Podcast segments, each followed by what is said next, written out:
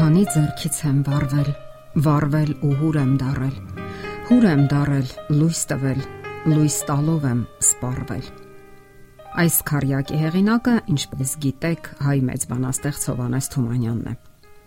Հենց այսպեսին պետք է լինի քրիստոնյայի կյանքը՝ վառվել եւ լույս տալ մարդկանց։ Իսկ վառվելու եւ լույս տալու, հուր տալու համար պետք է քայլ անել Աստծո հետ հասկանալ նրա կամքը, քայլել այդ կամքին համահունչ, հասկանալ երկրավոր կյանքի անցողիկ լինելը եւ առանց Աստծո ապրելու կյանքի ողջ աղքատությունը։ Աստված մարդուն առաջարկում է օգտվել իր հավերժական գանձարանից եւ նրանք, ովքեր իսկապես հոգով աղքատ են զգում իրենց, կբացեն Աստծո անսպար գանձարանի դռները։ Այդ գանձարանում կա այն ամենը, ինչ անհրաժեշտ է մարդուն առաջին հերթին իր փրկության համար։ Ապա Աստված հնարավորություն է տալիս մարդկանց կյանքի կոչելու իրենց լավագույն գաղափարները, դուրս գալու իրականի հնարավորությունների սահմաններից եւ մանկական անմիջականությամբ կարճել Աստծո խոստումներից։ Աստված ասում է. Ճշմարիտ եմ ասում ձեզ, եթե դարձի չգաք եւ երեխաների նման չլինեք, չեք մտնի երկնքի արքայություն։ Սա նշանակում է մտնել Աստծո խոստումների թակավորությունը որպես փոքրիկ երեխա։ Մտնել ոչ թե որպես իմաստասեր կամ աստվածաբան, այլ մեղավոր, որ པարս հավատով ընդունում է Աստծուն եւ նրա բոլոր խոստումները։ Եվ ինչպես երեխաներն են հավատում մեծահասակների իմաստությանը եւ վստահում նրանց խոսքին, այնպես էլ հավատացող մարդը պետք է վստահի Աստծո խոսքին եւ քայլի այդ խոսքին համապատասխան։ Մեր կյանքի միակույսն ու իմաստը Աստված է։ Աստված մեզ չի կանչում, որ լրացնենք ինքնասիրահարված հավատացյալների շարքերը, այլ որ հարատևենք ուրախության ու մանկական པարս հավատքի մեջ։ Մեր օրինակը կարող է լինել բոլոր ժամանակների մեծագույն ուսուցիչը՝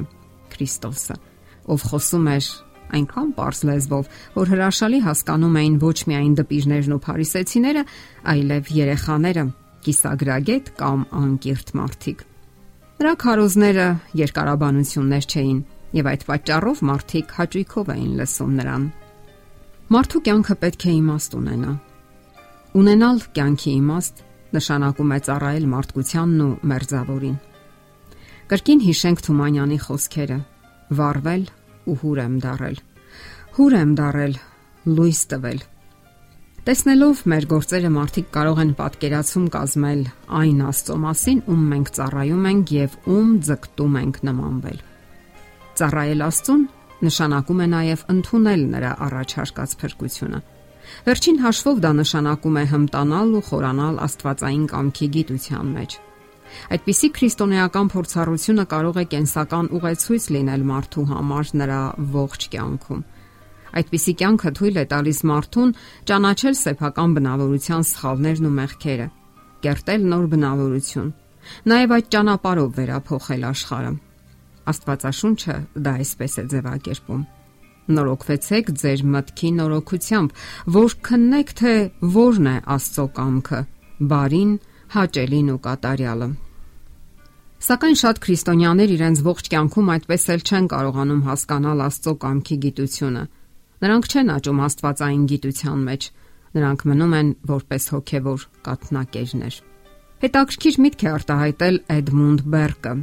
Միակ բանը, որ հարկավոր է ճարի հաղթանակի համար, դա լավ մարդկանց անգործությունն է։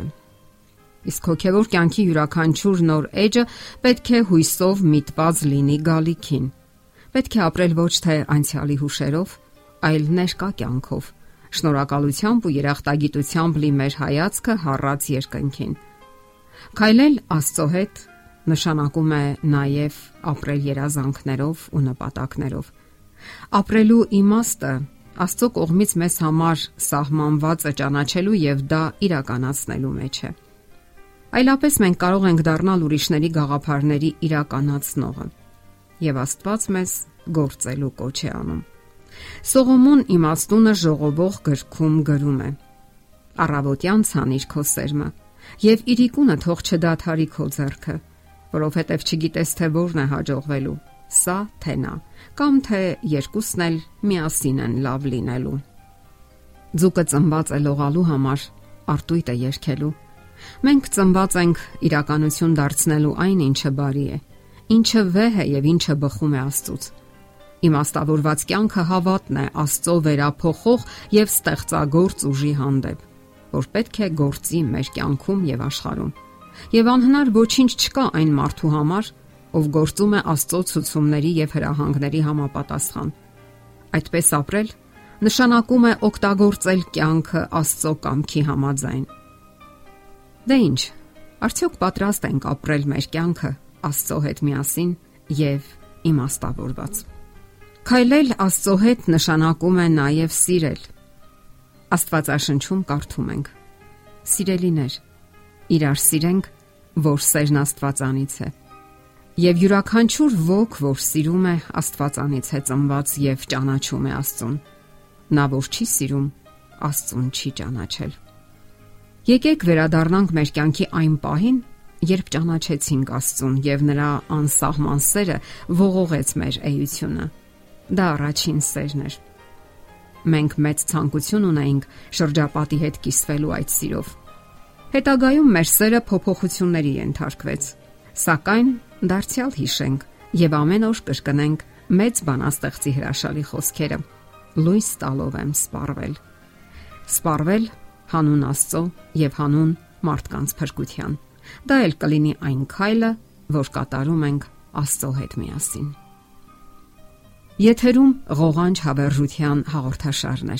Ձեզ հետ է Գեղեցիկ Մարտիրոսյանը։